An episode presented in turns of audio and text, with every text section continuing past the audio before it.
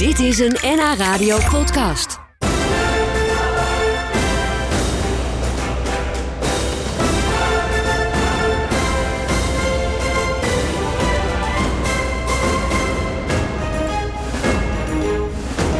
Dat is het geluid van eh, Kale en Kokkie. Dat zijn de twee supersupporters van eh, Ajax. Ze zijn wekelijks te zien bij AT5 en ze zijn ook waanzinnig populair op YouTube. Ze hebben een eigen Facebookpagina en ook tegenwoordig, eh, sinds een tijdje, ook een eigen podcast. Ehm, die podcast die nemen ze hier op trouwens in ons gebouw in, eh, in Hilversum. Leuk dat jullie er zijn. Het is een beetje oenig. Maar ik zit even te kijken waar nou de, de microfoon is van, eh, van Kale. Kokkie, jij bent er wel, hè? Ik ben hier. Ehm, ja, hoe heb je het WK beleefd? Het had natuurlijk zo mooi kunnen zijn. Aankomende zondag hadden we ons allemaal verheugd op de finale. Maar Ja, dat heeft niet zo mogen baten. Vrij nuchter. Ik denk dat net als alle andere Nederlanders... ik ik van Nederland zelf dan niet echt genoten heb. En eh, ja, voor de rest kijk je de wedstrijden... en dan eh, kijken wij allebei een beetje van... wat zou een versterking voor Ajax kunnen zijn. En je kijkt een beetje naar de oude Ajax-jongens... naar de Martinez en de- die dingen... En, naar Ziyech natuurlijk. weet je. Ja, zie je. Ik bedoel, we hebben het over Oranje. Nou, jij bent er inmiddels ook. eh, Ja, ik ben er. sorry. Hij doet het. Hij doet We het. hebben hier een nieuwe mengtafel. En eh, Ja. ik heb hier wel de hele week gezeten. Maar in één keer, er, zat nooit een gast aan die kant. Maar goed, Nee. Kale en Kokkie, jullie zijn een duo. Dus nu hoor ik jullie allebei. Ja. Over Ziyech en Marokko gesproken. Dat was wel fantastisch, Marokko, hoe ze deden. Marokko deed het fantastisch. Marokko. Wij waren echt nieuwsgierig naar, eh, omdat Marokko natuurlijk tot, eh, tot, tot en met de halve finale eigenlijk geen doelpunten tegen had gehad als behalve een eigen goal. En toen na 6, 7 minuten Frankrijk ineens die 1-0 maakte, was ik heel erg nieuwsgierig of Marokko ook kon voetballen.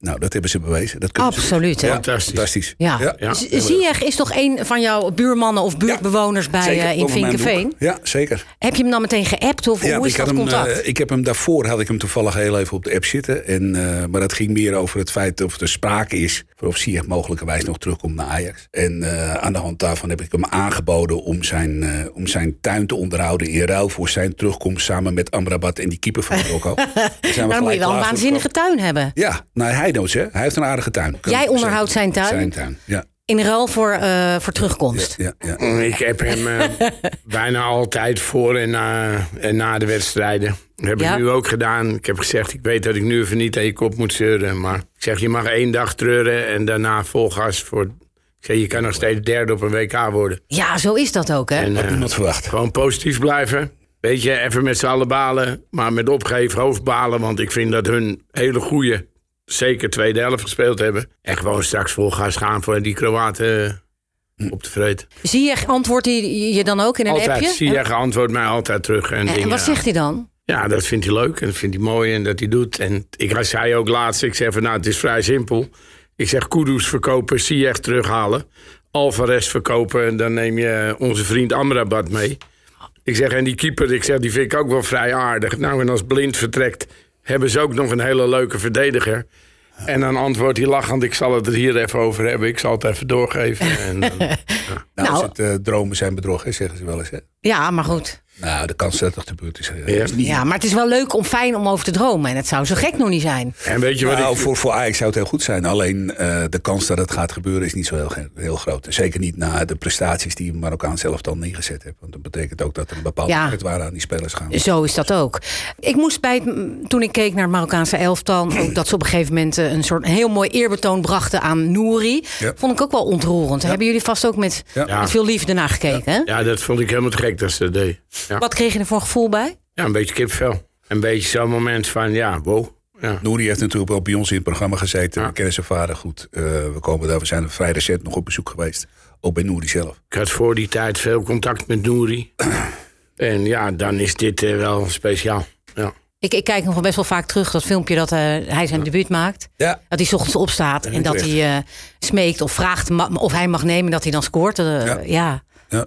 Kunnen jullie vertellen hoe het nu met hem gaat? Of mogen je daar iets over zeggen? Nou, in zoverre dat het, eh, het, het, het gaat naar omstandigheden, heet dat dan, hè? Gaat het redelijk. Ik bedoel, hij, is, hij woont op, zich, eh, op zichzelf in bijzijn van zijn familie. Die 24-7 eh verzorgt. Is er iets of iemand die hem verzorgt van zijn Ja. familie? En, eh, en voor de rest herkent hij dingen, zeg maar.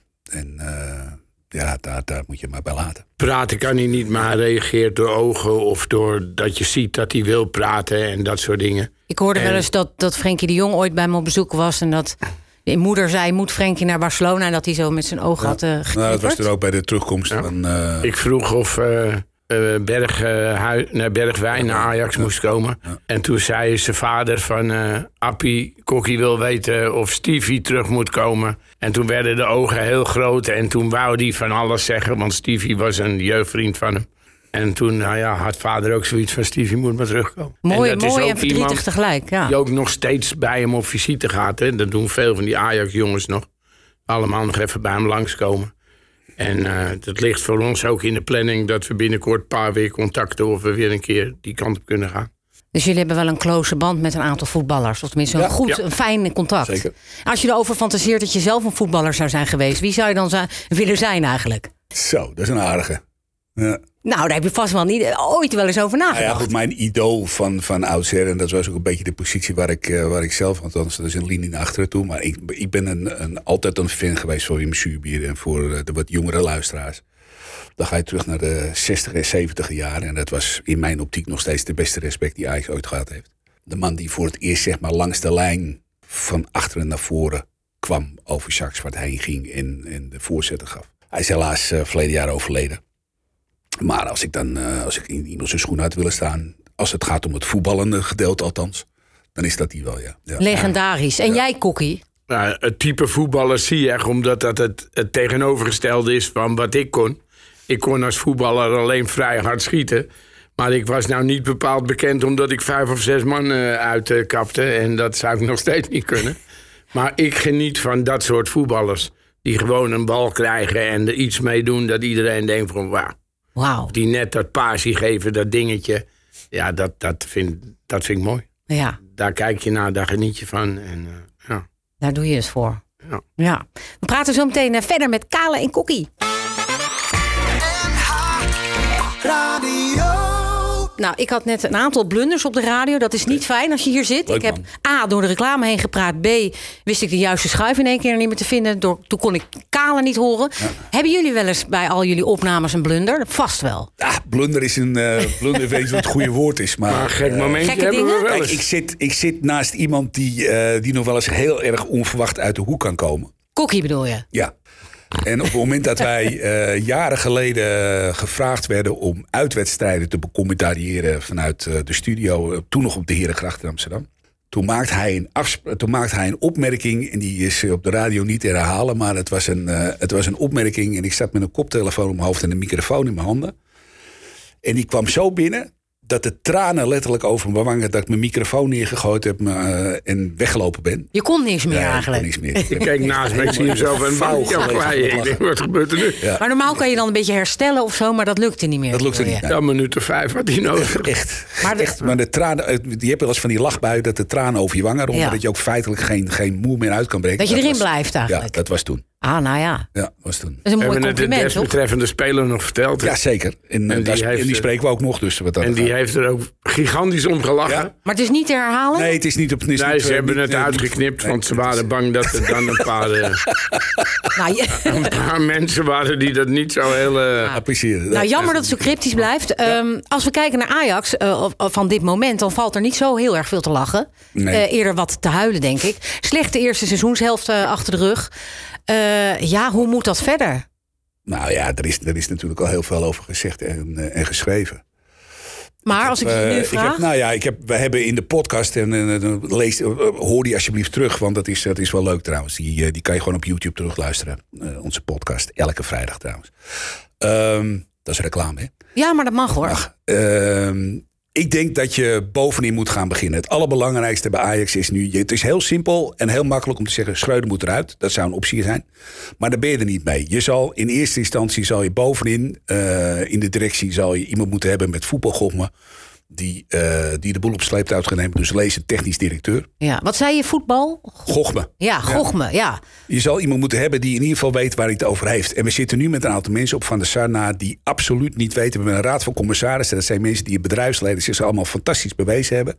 Maar totaal geen voetbalinzicht hebben. De bedoeling was dat Danny Blind daar zou zitten. Maar die is, met, zoals je weet, met het Nederlands elftal de afgelopen maanden meegegaan. Ja. Maar hebben jullie dan naar wel iemand om je te onderbreken eh, in gedachten? Ja hoor, Bijvoorbeeld. Liedmanen. Jari. Liedmanen. Ja, bijvoorbeeld, als je nou iemand wil hebben die, eh, die een internationaal eh, netwerk heeft, die eh, op niveau, die de club kent, die. ja, er zijn er wel meer hoor trouwens. Er zijn ook Nederlandse mensen. Ik denk dat als je bij een K.M. Molenaar aanklopt... die uiteindelijk ook verantwoordelijk is geweest voor de Kruifrevolutie... en, en ook mede verantwoordelijk is geweest voor de Kruifrevolutie. Je moet in ieder geval iemand hebben die, eh, die de club kent... die weet hoe de hazen lopen... en die beslissingen durft te nemen op voetbaltechnisch gebied. Ja, Kokkie, kan je dat daar iets is aan hetgene toevoegen? wat nu niet gebeurt. Nee. De beslissingen nemen. Van der Sar is in heel veel dingen... Van der Sar was een geweldige keeper.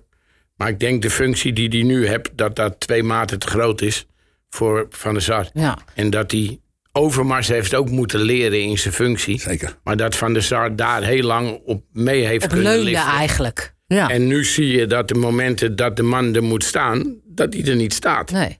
Hoe En- is dat eh, voor jullie als supporters? Want je hart breekt en jullie moeten dat met leden ogen aanzien, denk ik. Hè? Zeker. Ja, het, het, het geeft ook te denken, hè?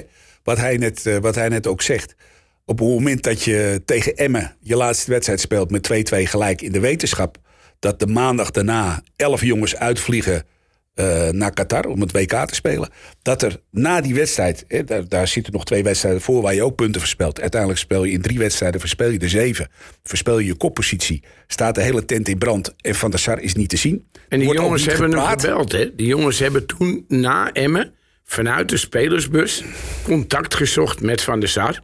En dan heb je het over zeg maar de bepalende spelers in de selectie. Ja. En wat voor contact hebben ze nou gezocht? Dat ze met hem wilden praten na afloop van de wedstrijd. Dat ze in de ka- eh, arena of op de toekomst dat ze een gesprek wouden. Omdat het, ze voelen dat het niet goed gaat. Ja, en wat zei zit- Van der Sar Er zit revel tussen basis, reservespelers en de, de technische staf. En Van der Sar vond dat niet nodig. En toen werd de telefoon opgehangen. Toen hebben de spelers die elkaar aangekeken en gezegd... zal hij wel snappen dat we straks weggaan. Toen is er nogmaals contact gezocht met Van der Sar. En toen hebben ze gezegd... je weet dat we maandag met elf man weggaan. En toen zei hij... ja, ik zie er de noodzaak niet van in. Vervolgens heeft hij op het trainingskamp wel met Schreuder gepraat. Nou ja, daar is dus uitgekomen dat een Daily Blind... of zich moet schikken in een reserverol... of maar moet vertrekken. En dat is nu dus hetgene wat gebeurt. Hetgene waar ik dan voor vrees is dat dat een sneeuwbaleffect wordt. En dat Blind niet een goed seizoen speelt, weten we allemaal. Maar als jij zo met echte Ajaxide omgaat... dan gaat er binnen je club iets goed verkeerd, denk ik. Ja. En, maar ondanks eh, al, al deze misère blijven jullie dan wel genieten van Ajax? Want dat is dan best moeilijk eigenlijk. genieten van of wat zijn dan de momenten dat je er blij van wordt? Je hebt, eh, je hebt nu kunnen zien wat er gebeurt. Als je de afgelopen paar wedstrijden, de, de laatste voor de, de, de winterstop of voor de WK-break eigenlijk. Als je die gezien hebt, dan, eh, dan, dan kan je niet anders concluderen dat het ondermaats was. Dat weten ze zelf ook wel. En natuurlijk geniet je daar niet. Maar het is een supporter zijn is Voor altijd. altijd. Is een soort huwelijk eigenlijk. Nou ja, dat, dat, dat- je bent met diegene ben je geboren, zeg ik altijd. En dat gaat er nooit meer uit. Was het ook voor jullie als kleine jongen al zo? Altijd. Ja. Maar ik moet je zeggen, nu, want je spreekt heel veel supporters, je zit met elkaar op, op appgroepen, op Twitter, dingen, weet ik het wat. Er zijn wel heel veel echt fanatieke supporters die zich wel zorgen maken dat je zomaar eens binnen twee, drie weken straks terug bij af bent. hè. En dan kan je wel zeggen, want je hebt heel veel spelers verkocht en je moet dat aanpassen. Maar er zullen er nu in de winterstop, gaan er nog een paar vertrekken. En is Schreuder dan de man om straks te zorgen dat er weer een Ajax staat? Het Ajax wat je met z'n allen wil. Is Schreuder de man? Is Van der Sar de man? Weet je, voorlopig is Van der Sar eh, ja, de zachte heelmeester. En die maken meestal stinkende wonden. En ja, als supporters zijn, dan hou je toch je hart vast. Dan gaan ze een stap verder. Hè. Je, kan, je kan even vooruitkijken. We hebben natuurlijk in eh, de afgelopen paar weken hebben we nog twee oefenwedstrijden gespeeld. Tegen het altijd lastige Blackburn Rovers. Eh, dat is het tweede niveau van Engeland, de nummer drie. En tegen de nummer laatst van de Eredivisie, dat was Volendam. Nou, de resultaten die mogen bekend zijn. Je ziet ook dat daar, en daar zit dan op een gegeven moment een gedeelte van je basis staat daar gewoon. Hè. Daar speel je gewoon met een Sanchez als rechtsback. Daar speel je gewoon met, met, met een Bessie. Daar speel je gewoon met... met, eh met Rens, Wijndal, nee, goed. Dus alles wat niet op het WK stond, stond daar gewoon in het veld. En je weet dan uiteindelijk ten nauwe nood met 5-4. En dan weet ik wel, het is een oefenwedstrijd. Maar stel je nou voor, we gaan 6 januari gaan we tegen NEC uitspelen. Dat is een lastig potje. Dat was vroeger al een lastig potje. Gaat het nu ook weer worden. Daarna spelen we Twente thuis en daarna krijgen we Feyenoord. Ga er maar aan staan. Maar stel je voor dat, uh, dat het de eerste twee keer fout gaat, onverhoopt. Stel voor dat we. Wat gaan we dan doen? Gaan we dan Schreuder alsnog aan de kant zetten? En wie gaat dat dan doen? Hè? Is de volgende vraag. Want ik ben nog steeds geen technisch directeur. Dus wie gaat dat doen? En de tweede vraag die erachteraan komt. Wie gaat dan Schreuder zijn plaats innemen? Ja, ik stel voor dat tot slot, want de tijd is. Uh, we zijn al ver over de tijd één. Ja, dat Van de Sar en uh, Schreuder gewoon heel goed naar jullie podcast luisteren, sowieso. We zijn net begonnen, hè? Hoe bedoel je? Ja, qua gesprek. Ja. Ik vind het ook jammer. Komen jullie anders nog een keer terug? Ja, is goed. Hilversum. Als jij ons uitnodigt, zeker. Ah, hartstikke fijn. Kaal en Kokkie, ga luisteren naar die podcast. En sowieso zijn ze natuurlijk vaak te zien op AT5 en ook op YouTube. Ontzettend leuk dat jullie hier waren. Dankjewel. Graag gedaan. Graag gedaan. Dit was een NH Radio podcast. Voor meer, ga naar nhradio.nl NH Radio